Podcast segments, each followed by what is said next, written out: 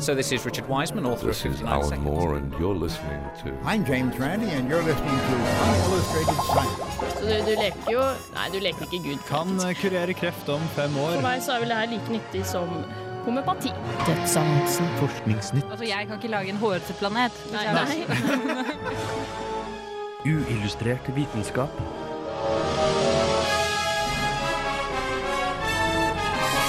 Science, it works, bitches. Halloween, eller allehelgensaften, nærmer seg med stormskritt. I denne anledning så vi i Uillustrert vitenskap at det er på sin plass med litt prat om et hett skrekkfilmtema eksorsisme. Du vil i dagens sending få høre fra norske dokumentarskapere om akkurat dette temaet. Radio Revolt. Yes, det var en aldeles eh, fantastisk og hardtslående åpning av ukas uh, Uillustrert vitenskap. Der hørte du Tåke med Myr. Det er en, da, altså en eh, Radio Revolt banjo-edit, for på å legge til det. Eh, jeg heter Jeanette Bø.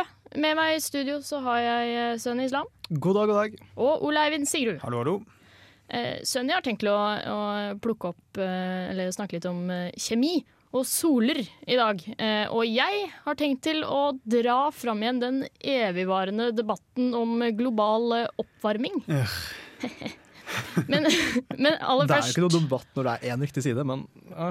Ja, det er sant, det. Den falske debatten. eh, Den falske debatten. Eh, ja, ja. ja. Eh, men eh, først så skal vi snakke om det dere hørte. Altså eksorsisme. det Det blir spennende, for du har vært på Dragvoll. Ja, jeg var på Dragvoll i går, og der uh, møtte jeg da Christian Falk og Fredrik Horn Akselsen fra Gammaglimt eh, filmproduksjon uh, her i Trondheim. Uh, de snakket da om en dokumentar de holdt på å lage om eksorsisme, og viste en god del eksklusive klipp. Flott. Først så skal vi i hvert fall få Grimes med Oblivion.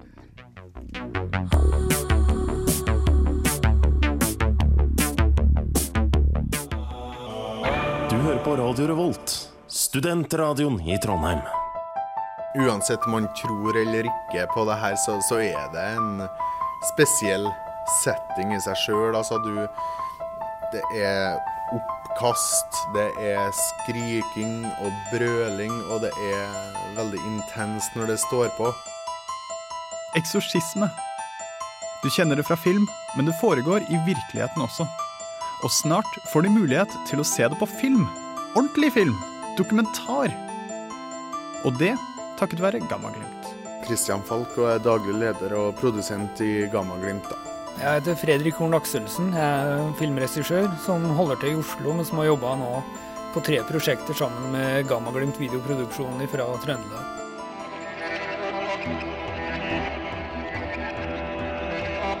De siste to årene har de fulgt eksosister verden over, og gjør nå ferdig redigeringsarbeidet for dokumentaren Padre Fortea Eksorsisten.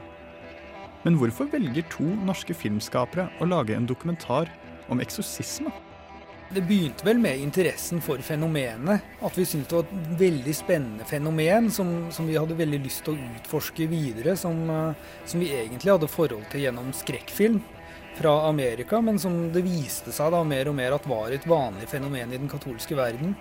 Og det var noe som vi syntes var veldig interessant. Og da, etter mye om og men, så fikk vi kontakt med en som heter padre José Antonio Fortea i den spanske katolske kirke, som er superstjerne innafor eksorsisme, og som fyller stadioner i Latin-Amerika.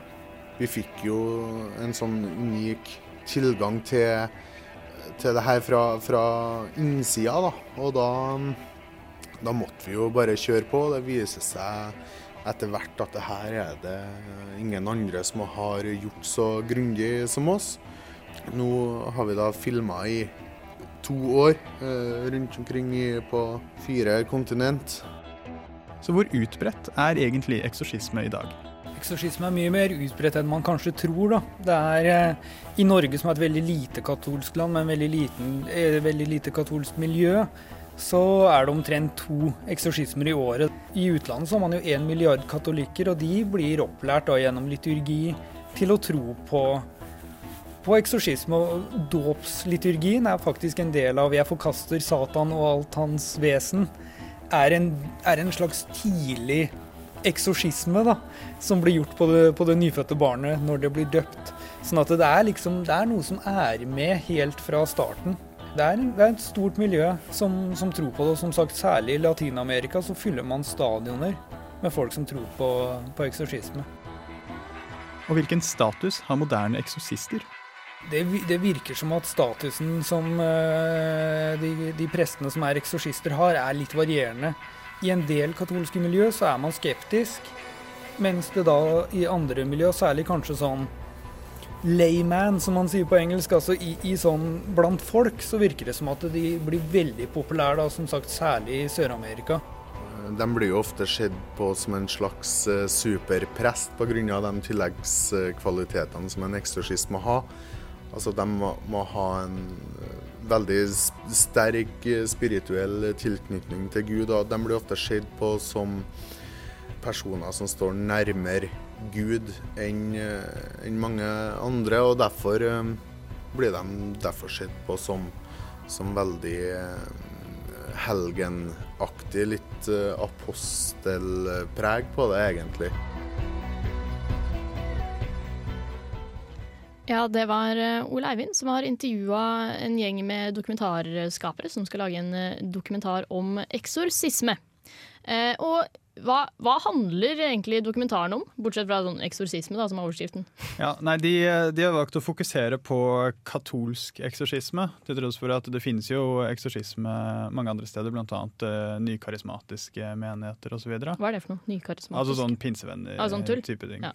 osv. Så, uh, så det finnes mange andre steder, men de, de, fokuserer da på katolsk eksorsisme. Det man kjenner fra film og er uh, kjær med. Det er også verdt å nevne at det finnes også i omtrent alle verdensreligionene. Ja. Og uh, New Age-miljøer også, i litt sånn andre former. Så, um, i hvert fall De følger da han eh, padre José Antonio Fortea, uh, som da er en sånn, ja, som han sa, en superstjerne innen uh, eksorsisme. Um, og så følger de også en som mener hun er besatt, og filmer da at ja, den utdrivelsen osv. Og, så Um, så de fokuserer på det, og det som gjør denne dokumentaren veldig spennende, er at de um, skildrer det hele innenfra. Uh, de er ikke sånn utenfra, og så intervjuer de noen, og så intervjuer de noen skeptikere utenfra osv., men de har på en måte fått en helt unik tilgang da, til uh, de ypperste eksorsistene i verden. Hvordan i all verden har de fått til det? Nei, uh, det er faktisk ganske artig. Um, måten de gjorde det på, er at de først, før de på en måte trekker frem kamera, selv før de nevner at de i det hele tatt er filmfolk, så ble de godt kjent uh, og dannet et uh, fortrolig forhold. Mer spesifikt uh, på han José Antonio Fortea, var jo at han Christian han to, tok en sommerferie til Madrid, der han holder til. Og gikk bort og pratet med ham. Eneste han formidlet, var at han var en nysgjerrig nordmann. Og så tilfeldigvis så trengte han en bodyguard da, med på noe sånn eksorsisme. Og han var jo en stor, sterk eh, nordmann, så han ble spurt om å være med. Og så plutselig så var han med på to eksorsismer daglig i noen uker. Yes. Eh, og så opprettholdt de den kontakten, og eh, da, når de da til slutt sier at ja, jeg vil gjerne lage en dokumentar om dette, så har de et såpass godt forhold, kjenner hverandre, så da stoler de på dem til at ja, ok, dere kommer til å lage et seriøst produkt. Så de er ikke redde for at uh, det kommer et produkt som, som gjør narr av uh, eksorsisme? Nei, og det eh, så det jo ikke ut som de kommer til å gjøre. De kommer til å på en måte ha en relativt objektiv skildring av fenomenet, og de snakker også med kritiske røster innad i den katolske kirken. Um, så jeg tror nok eh, folk blir fornøyde, og eh, disse eksorsistene har jo eh, bl.a. sagt at de er jo en gudgave, og de gjør Guds arbeid fordi de er helt overbevist om at når norske TV-seere ser denne dokumentaren på NRK i neste år, så kommer det til å være en haug med omvendelser i hele Norge. Oh, ja, ja. ja det, det, får vi jo kanskje egentlig ikke håpe eller, eller tro. Ja, men, men fikk, du, fikk du vite noe om hvordan en sånn her eksorsisme foregår? Ja, eh, det, det, har jeg. Og eh, jeg snakket jo enda litt eh, mer med dem, og da snakket vi blant annet om det. Ja, men da syns jeg vi skal få høre på det. Men det blir først etter Efia fra Ghana med 'Cigarette'.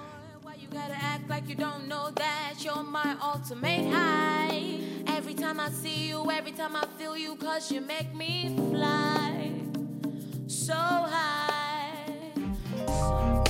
Eksorsisten,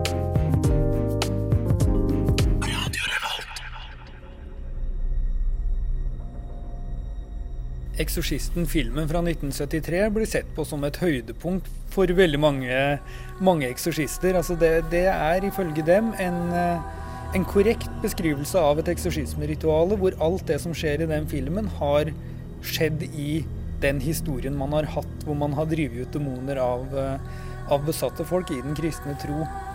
Sånn at eh, Padre Fortea, vår hovedperson, han omtaler det som en gudegave at William Friedkin som hadde regi, på en måte fikk the grace of God til å lage den, og at han aldri lagde en god film igjen eh, etter 'Eksorsisten'. At det nærmest var en sånn At Gud styrte det, og så slapp han liksom Friedkin løs etter eh, i etterkant. Vi har nok alle forestillinger om hvordan en eksorsist går til verks på en besatt. Men hvordan foregår en ordentlig utdrivelse? En utrivelse er, jo en, en, lengre prosess. altså Det starter alltid med, med bønn. Man ber f.eks. Fader vår, hvor man står da i et rom hvor det ofte er presten eller eksorsisten, da, og så er det den besatte, og gjerne foresatte eller personer i bønnegruppa til vedkommende. Så be, begynner de da å be, og, og, det bygger seg opp, hvor man begynner å nevne opp helgener og erkeengler. Hvor man prøver da å lokke ut et navn på demonen, eller flere navn på demonene som er inni den, i den besatte. Og det bygger seg sakte, men sikkert oppover til man da står over og brøler i Jesu navn, hva er ditt navn? Hvor man skal avsløre navnet på demonen, som vil gjøre at uh, den avslører seg, og man da kan gå videre i utdrivelsen. Om det er gjennom hellig vann, eller om det er gjennom bruk av krusifiks, eller om det er gjennom håndspåleggelse så, så, oppdager man da hvordan det gjøres, og det ender i en sånn hyle, hyleseremoni omtrent til slutt, før, uh, før, det da blir tyst og vedkommende faller ned på, ned på gulvet og, og, og, kommer til seg sjøl på et vis. da.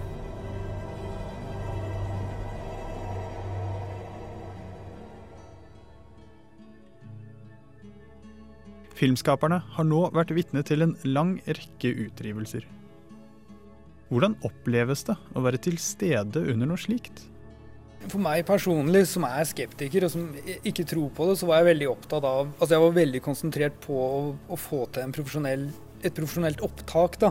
Så jeg prøvde å sette meg så ut av situasjonen som mulig. sånn at fordi det er noe med hvis man lar seg rive med i den typen ting. Jeg har jo sett en del gjennom den prosjektet her hvordan massehysteri fungerer. Hvis man lar seg rive med og, og bli med på det, så kan man uh, komme ut på farlig vann. I hvert fall hvis man filmer og skal, skal ha en profesjonell avstand til det man, uh, man uh, bevitner. Så, så, så, for meg så var det viktigst å på en måte tenke film mens jeg var der, sånn at jeg ikke begynte å evaluere eller begynte å, å, å tillegge det enten skeptiske eller evangelistiske holdninger. da det oppleves veldig intenst og litt surrealistisk på en måte. Det, det, gjør jo det. For i vårt tilfelle så blir vi jo godt kjent med den besatte, ikke sant? som vi opplever som et helt vanlig menneske som vi spiser middag sammen med og, og fleiper med og sånne ting. Og, og plutselig samme kveld så, så stå, går hun opp i bro på gulvet og, og brøler ut forbannelser. Det er en sånn fullstendig personlighetsforandring. Så det er jo en spesiell eh, situasjon å være eh, til stede under noe sånt, eh, samme om man tror eller ikke. Padre Fortea mener filmen 'Eksorsisten' tegner et realistisk bilde av hans yrke. Men de norske dokumentarskaperne er ikke fullt så enige. Nei, jeg vil ikke si det. Altså, det vi har sett av, av ritualer, har vært har vært veldig spesielt og sært og, og, og, mystisk og merkelig, men det har ikke vært overnaturlig på noe vis. Det har ikke vært noen hoder som har spint 180 grader, det har ikke vært uh, flyving i lufta, eller vi har ikke sett noe overnaturlig. Ja, der hørte dere siste del av uh, eksorsismedelen vår her Illustrert uh, i dag. Uh, og her snakka de da om selve utdrivelsen, blant annet. Og Men mens lytterne fikk høre det, så, så nevnte du noe om en oppvarmingspastor. Er- Betyr det at, eh, at eh, disse her eh, eh, eksorsismepastorene er sånn rockeband? Eh, ja, nesten bokstavelig talt. Eh, de nevnte jo at de fyller jo stadioner når de er i eh, Sør-Amerika og holder sånn helbredelsesshows og på en måte gi bønn for folk. Og før det showet, for å på en måte gi litt sånn ekstra energi til, til publikum, så er det en lokal pastor da, som er sånn oppvarmingspastor. Og så har de selvsagt et backingband. Nei! Jo, jo. Ja, men det, det er flott. Men jeg hørte jo at de troende da tror at eh, filmen 'Eksorsisten' er en eh, korrekt eh, gjengivelse av hvordan en, eh, en sånn utdrivelse foregår. Men hvordan i all verden kan de tro det når det er sånn baklengskrabbing i trappa og 360 graders vridning av hoder? Nei, De tror jo det fordi de nettopp har sett. Har de sett det? Eh, De har sett 360 graders eh, vridning av hoder og krabbing i taket og levitering. Og det er ikke måte på hva folk ser under en utdrivelse. Men så kan man jo spørre seg hvor, hvordan ser de det? Fordi hver gang noen filmer dette, så viser det seg jo at det, det skjedde jo ikke. Og eh, folk som da ikke tror på det, de kan se på en utdrivelse. Og så kommer noen andre som tror, og bare ja, så du det? De krabbet i taket, f.eks. Og så bare nei, men de gjorde jo ikke det. Ja, men Demoner Eh, kommer jo ikke i speil og på film. Det vet vi jo alle. Ok, det, det er sånn den første rasjonelle forklaringen. Eh, den andre eh, naturlig, naturlige forklaringen er bare at hukommelsen vår, den, den er ikke så forferdelig pålitelig. Og eh, vi har veldig vanskelig for å skille mellom det vi innbilte oss, eller det vi tenkte, eh, og det som faktisk skjedde. Og da når du virkelig tror på dette, så forventer du at eh, overnaturlige ting kommer til å skje. Og eh, da i ettertid så husker du at overnaturlige ting skjedde. Jeg liker min forklaring bedre. Men, men, men er det her òg forklaringen på eh, hvorfor, hvorfor de såkalte besatte får så utrolig sterke reaksjoner når de, når de blir eh, eksorsistert? Ja, nei, fordi, ja, eh, nei, for det er jo sånn at det, det er jo ofte fryktelig dramatisk, selv om det ikke er noe overnaturlig der. Men plutselig så begynner de jo å rope og banne og skrike og, eh, og så videre. Eh, men en stor grunn til det er jo det er måten presten på en måte styrer showet. Det er presten som har regi. Eh, han begynner rolig, står eh, på lang avstand, på en måte sier noen eh, rolige bønner. Og så på en måte blir han mer og mer intens. Han går nærmere innpå og slenger et krusifiks i pannen for eksempel, på personen. Så Eh, personen og- banner? Nei, det var ikke sånn faen og slo det meg i hodet. Men, eh, men det er jo noe med forventninger her også. Eh, Alle de som oppsøker eh, eksorsister og faktisk tror på dette, de har forventninger om hva som kommer til å skje. De vet at ok, men da når under en utdrivelse så vil denne demonen tre frem og eh, ta over meg.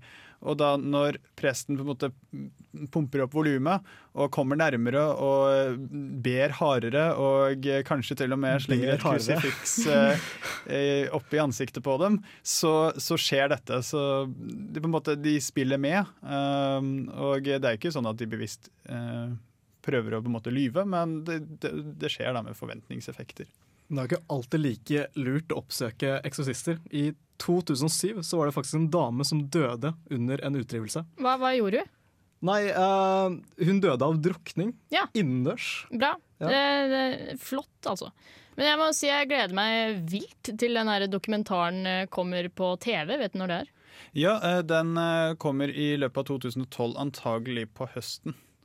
Eh, Den skal ferdigstilles eh, i 1. april da, i 2012. eh, Og så lager de en TV-versjon og en sånn fullengde filmversjon som da vises på filmfestivaler. Men antagelig så vises den på NRK først til høsten. Da, da må vi få med oss den, hvis jorda ikke har gått under, da, vel å merke. Jeg har lovt bort masse klimaprat, og akkurat det skal du få. Men først skal du få høre Siskiyou med Twigs and Stones. I am a house built out of twigs and stars.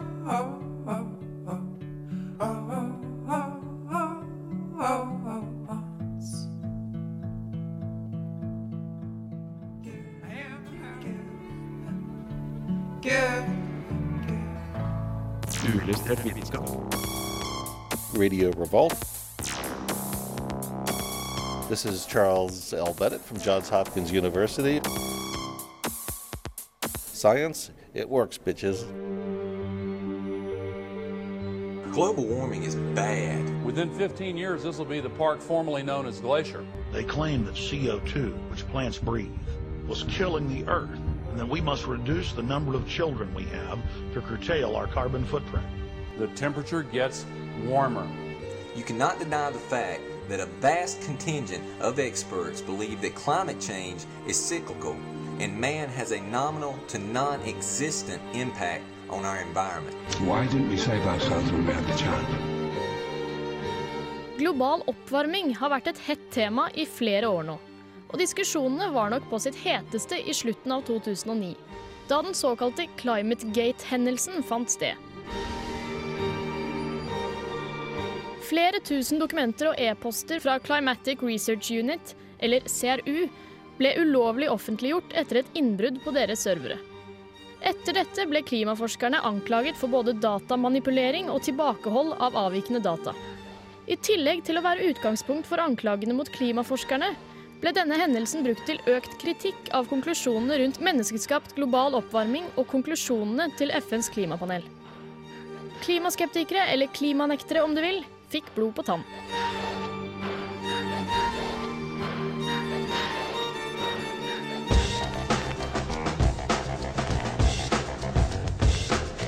Av disse heter Richard Müller, en fysiker ved Berkeley i California.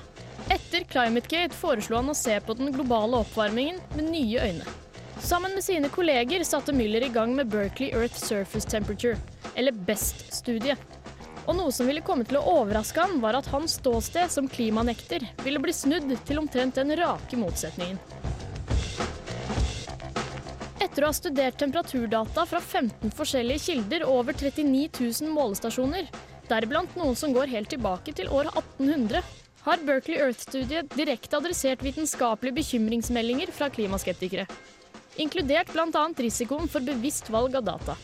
På grunnlag av denne undersøkelsen har Müller nå uttalt at tidligere studier gjort av andre forskningsteam fra USA og Storbritannia slett ikke vært feilaktige, men heller helt korrekte.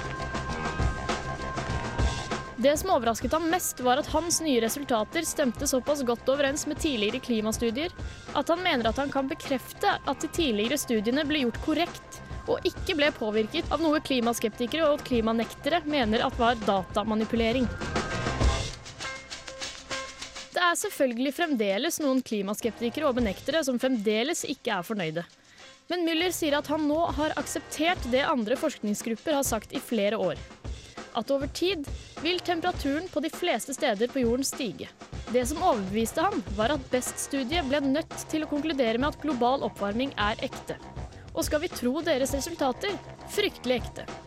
Siden deres resultater viser at på steder som hadde en oppvarming, var det en gjennomsnittlig oppvarming på 1-2 grader celsius. Hvilket overraskende nok er enda skumlere tall enn IPCCs 0,64 grader. Best-resultatene og beskrivelsen av arbeidet ble publisert på deres nettsider 20.10. Müller tror at studiet deres kanskje vil kunne kjøle ned noe av klimadebatten. Men hvorvidt oppvarmingen er menneskeskapt eller ikke, og hva utfallet av den vil være, har de nok ikke tatt med i sitt studie. Så vi må nok fremdeles høre på taler fra klimaskeptikere rett som det er. Helt til fjellene av beviser er blitt så store og gode at de en vakker dag holder kjeft.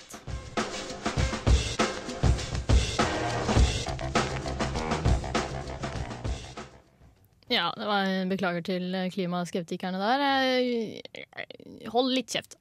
Litt sånn innimellom når det, når det er åpenbart. Men eh, Jeg syns også de kan kalle seg klimabenektere. Ja. Eh, skeptikere de eh, følger vitenskapelig konsensus, det. Ja. Men eh, de liker å kalle seg selv skeptikere, er jeg redd. eh, Ja, de gjør jo det. Så de vil kanskje ikke høre hvis vi bare kaller dem sånn nekte... Ja. Men det var altså eh, klimaskeptikeren, eh, klimabenekteren eh, Richard Müller der, som har blitt omvendt, rett og slett, etter nylig utført studie, som for øvrig kom frem til at den globale oppvarmingen er verre enn det IPCC har rapportert. Jeg liker at det er sånn Vi kan ikke stole på IPC, eh, men nå kan vi gjøre det. Fordi det viser seg at de hadde rett. Så nå, nå kan vi stole på det. Ja, nå, nå, nå er det greit. Så, men jeg håper han har fått med seg litt flere benektere i, i slengen. At det ikke bare er Müller som er overbevist nå. Og de tok høyde for eh, ganske mye forskjellige ting nå, fordi eh, klimabenekterne har, eh, har eh, til stadighet dratt fram et, en effekt som heter Urban Heat Island Effect. Eh, og de har tatt hensyn til det her eh, ved å ta hensyn til befolkningstetthet. Det er det, da. Fordi menneskelige aktiviteter fører til eh, mer varme eh, lokalt i urbane strøk. Og det de kom fram til, var at eh, det har ikke en dritt å si. Fordi urbane strøk vil altså si under 1 av arealet på jorda. Så det, det har heller ikke, heller ikke noe å si, dere såkalte skeptikere. Så slutt å dra fram det. Jeg sjekket jo eh, noen blogger og sånn om eh, hvordan klimaskeptikere har reagert. Eh, jeg fant faktisk veldig lite som i det hele tatt snakket om det, men jeg, jeg fant eh, noen. Det var da en eh, Anthony Watt. Han kritiserte dem da for å ha studert en 60-årsperiode og ikke en 30-årsperiode, sånn som han var opptatt av. Eh, og det var ennå ikke fagfellevurdert, som for så vidt stemmer. Og så peker han da til stavefeil som, eh, som tegn på at det er slurv i oh, forskningen her. Stavefeil! Hvis det, er, hvis det er slurv på stavingen, så må det være slurv i analysen også. Ja. Så var det en annen som skrev at han har ikke lest rapporten ennå, men eh, jeg stiller spørsmål ved analysen av Urban Heat Island-funnet deres. da. Ja. Eh, så det er jo fint å eh, stille spørsmål før man har lest den. ja, det er flott. Men man antar jo at eh, global klimaforandring uh, forårsakes av drivhusgasser. Og i forbindelse med det så har jeg en gjettekonkurranse. Eller kunnskapsbasert gjettekonkurranse. Flott, flott. Vet dere hvilken drivhusgass som er den aller verste? Vann. Jeg vil ikke si det så fort, men ja, det er dihydromonoksid som står for det aller meste. Det er ikke fordi at den alene er så ille, men det er fordi at det er så vanvittig mye vanndamp i atmosfæren. Fun Ja. fact der også. Eh, men det er jo ikke, Ikke noe vi kan gjøre spesielt uh, mye med. Så vi kan heller gjøre noe med det CO2-en, for eksempel. Ja, og siden den industrielle revolusjon så antar man at uh, andelen CO2 i vår atmosfære har økt med 33 Så det kan jo ikke være tilfeldig, det må jo ha en sammenheng. Ja, eh, så det var litt eh, info til dere klimanektere, benektere, som dere nå heter. Det er døpt. eh, Ikke skeptikere, ikke kall dere skeptikere. Det er en skam! Dere er skeptikere på samme måte som kreasjonister er evolusjonsskeptikere. Ja. Vi skal få høre litt om kjemi, rett og slett, fra Sunny. Først skal du få høre de som spiller på Samfunnet i kveld, torsdag. Fucked Up, Queen of Hearts. Gå og se det.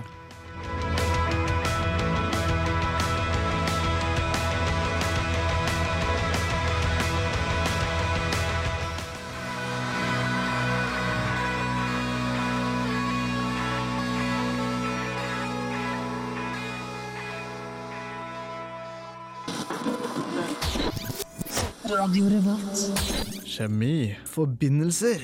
Å ja. Alt startet med ild. Eller ikke alt, men kjemien gjorde iallfall det. Når du varmer et stykke tre, får du først et veldig varmt stykke tre. Men etter litt tid vil stykket plutselig være i fyr og flammer. Ild kunne brukes til å kontrollere kjemiske reaksjoner, som å gjøre om leire til murstein og sushi til uh, mer ordentlig mat. Mennesker fant også ut at om man varmet opp noen typer stener, ville de få ut en flytende gugge som størknet til skinnende kobber. La oss spole frem til antikken. De gutteelskende filosofene var opptatt av å skille tro og viten, og jobbet iherdig med å finne ut hvorfor ting var som de var. En av disse var Demokritt. Han trodde at alt kunne deles opp i atomer med en endelig størrelse. Dette forklarte han med at om ting var satt sammen av uendelig antall deler, ville alle prosesser ta uendelig lang tid. Denne teorien stemmer godt overens med de vi bruker i dag, men blir vraket til fordel for Aristoteles elementlære. Den sa at alle stoffer besto av fire forskjellige elementer. Og hvis alt besto av fire forskjellige elementer, måtte det følgelig være mulig å gjøre ett stoff om til et annet, som bly til gull, bare ved å forandre sammensetningen av elementene i stoffet. Velkommen til alkemiens verden. Datidens alkymister måtte jobbe ut ifra en verdensforståelse hvor magi og religion var en viktig bestanddel. Dette førte til at alkymistene hadde en noe større variasjon i sin forskning enn dagens vitenskapsmenn. Johan Becker skrev Physica subterranea, Et anerkjent verk om mineralogi. Men han jobbet òg med en metode for å gjøre seg selv usynlig. Hvis jeg destillererer 60 bøtter med urin, får jeg helt sikkert gull. Dette må være riktig, siden 60 delt på 3 blir 20! I forsøket på å lage gull prøvde den tyske alkymisten Henning Brann å destillere 60 bøtter med urin. Etter eksperimentet begynte utstyret hans å gløde. Han hadde nemlig oppdaget grunnstoffet fosfor. Men dessverre intet gull. Selv om alkymistene var overambisiøse, klarte de å perfeksjonere distillering og filtrering. De klarte òg å finne opp parfymen, kruttet og brennevinet. Man kan altså gjøre fantastiske fremskritt med idiotiske utgangspunkt.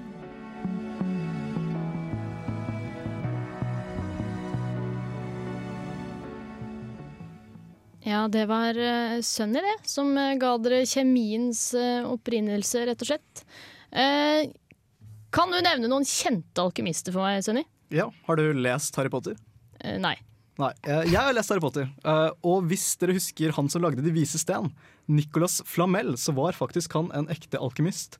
Og ifølge legenden så skal han ha klart å lage De vise sten og livets eliksir. Så han lev lever tydeligvis nå i dag med oss. Jaså.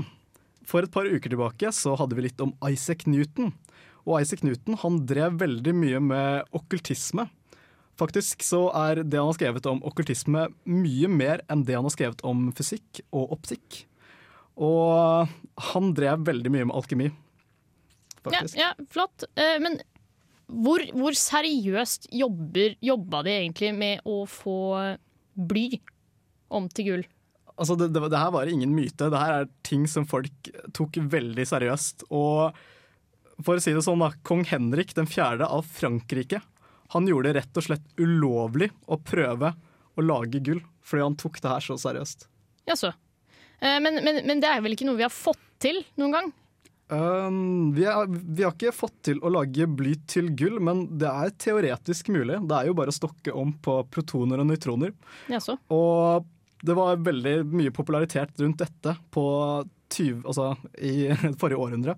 Da klarte de faktisk å gjøre platina om til gull.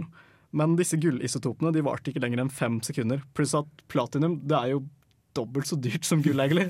Så noe praktisk, det, det er det ikke. Vi skal, vi skal høre mer fra Sunny, men eh, først så skal vi høre fra noen som rett og slett ble kasta ut av samfunnet, forresten. Eh, Dette er Crystal Fighters med I Love London. I love London. Ja, etter jeg begynte i Uillustrert vitenskap, har jeg blitt ringt av ansvarlig redaktør i magasinet uh, Illustrert vitenskap, Ane Turid Brudi, hver tredje uke. Jeg har nevnt dette flere ganger til Jeanette og Ole Eivind, men de tror ikke på meg. Men forrige torsdag så ringte hun igjen, og denne gangen så fikk jeg det på bånd. Så kan ikke vi ta og høre på det? Ja, hallo. Det er Sunny Islam fra Uillustrert vitenskap. Ja, hei du. Det er Ane Turi Brudi fra Illustrert vitenskap som ringer. Hei. Um, jeg bare lurte på en ting. Uh, er det mulig at jorden hadde flere soler? Du mener at jorden har hatt flere soler enn to? Ja! Det kan jo være mulig. Virkelig? Det kan hende at jorden lå tett inntil den ene stjernen, og at den andre stjernen sirklet dem begge. Eller så kan det være at jorden gikk i en svær bane rundt både stjerne 1 og stjerne 2. Noe annet ville vel ha ført til at jorden ville ha kollidert med en av de to stjernene. Men du, det er ikke mulig at jorden hadde enda flere soler. Flere? Som i tre? Nei, nei. Som i ti, hundre, kanskje til og med tusen soler. Ja, tusen soler høres bra ut. Kan du gå med på det? Kan du gå med på det? Kan du gå med på det? Hvorfor tusen soler? soler, sa jeg jo! Tusen soler. Hvor får du tusen soler ifra? Jeg tar det som et ja, ja. Eh, Tusen soler. Så, ha det. Nei, Anne, Anne ikke, ikke legg på. Hei! Uh, Alright, so the compression and expansion of the longitudinal waves cause the erratic oscillation, you can see it there, of the neighboring particles. Uillustrert vitenskap.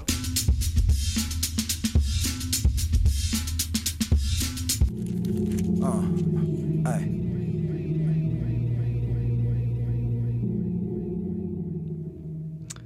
Vel, nå lurer du kanskje på om samtalen med Ane Turid Brudi høstet noen frukter. Vel, nå sitter jeg her med illustrert vitenskap fra 21. oktober, og overskriften er som følger. 1000 soler på himmelen. Jøssenavn. Det høres da virkelig så flott ut eh, illustrert. Eh, vi begynner å ramle tom for tid, hvis det går an å si det. Gjør ikke det? Eh, etter oss så kommer godeste Filmofil, som de gjør eh, som alltid hver uke. Og så vidt jeg har fått med meg, så skal de eh, ta for seg Tintin. Ta-ta. Nei, Ole Eivind, hva sa du? Ta-ta? Ta-ta. Og Contagion. Vet, vet dere hva det er? Ja, det er en ny film fra Steven Soderberg eh, som eh, Jeg har ikke sett den ennå. Jeg skulle egentlig se den og snakke om den i Filmofil, men så gikk jeg glipp av pressevisningen. Men nok om det. Eh, det er eh, nyeste fra Steven Soderberg. Og eh, handler om eh, en sykdom, litt sånn à la svineinfluensaen, som bryter ut. Og så følger han disse forskerne, og aldri før har whiteboards vært så spennende som i den filmen.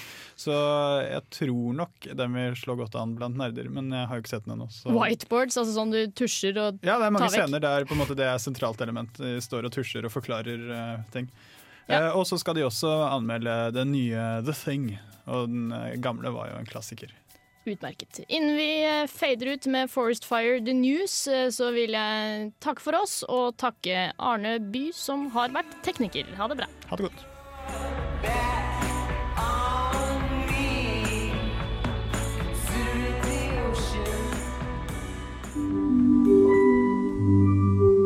Uillustrert vitenskap er Midt-Norges eneste teknologimagasin på lokalradio. Og vi snakker om alt fra populærvitenskap til sære forskningsprosjekt ved NTNU. Radio Revolt, studentradioen i Trondheim, er stolt av å kunne presentere podkaster fra de aller mest populære programmene våre. Hvis du har lyst til å høre mer fra Radio Revolt, hvem vi er og hva slags musikk vi spiller, så kan du høre oss på FM-båndet i Trondheimsregionen, eller streame sendingene våre live på radiorevolt.no.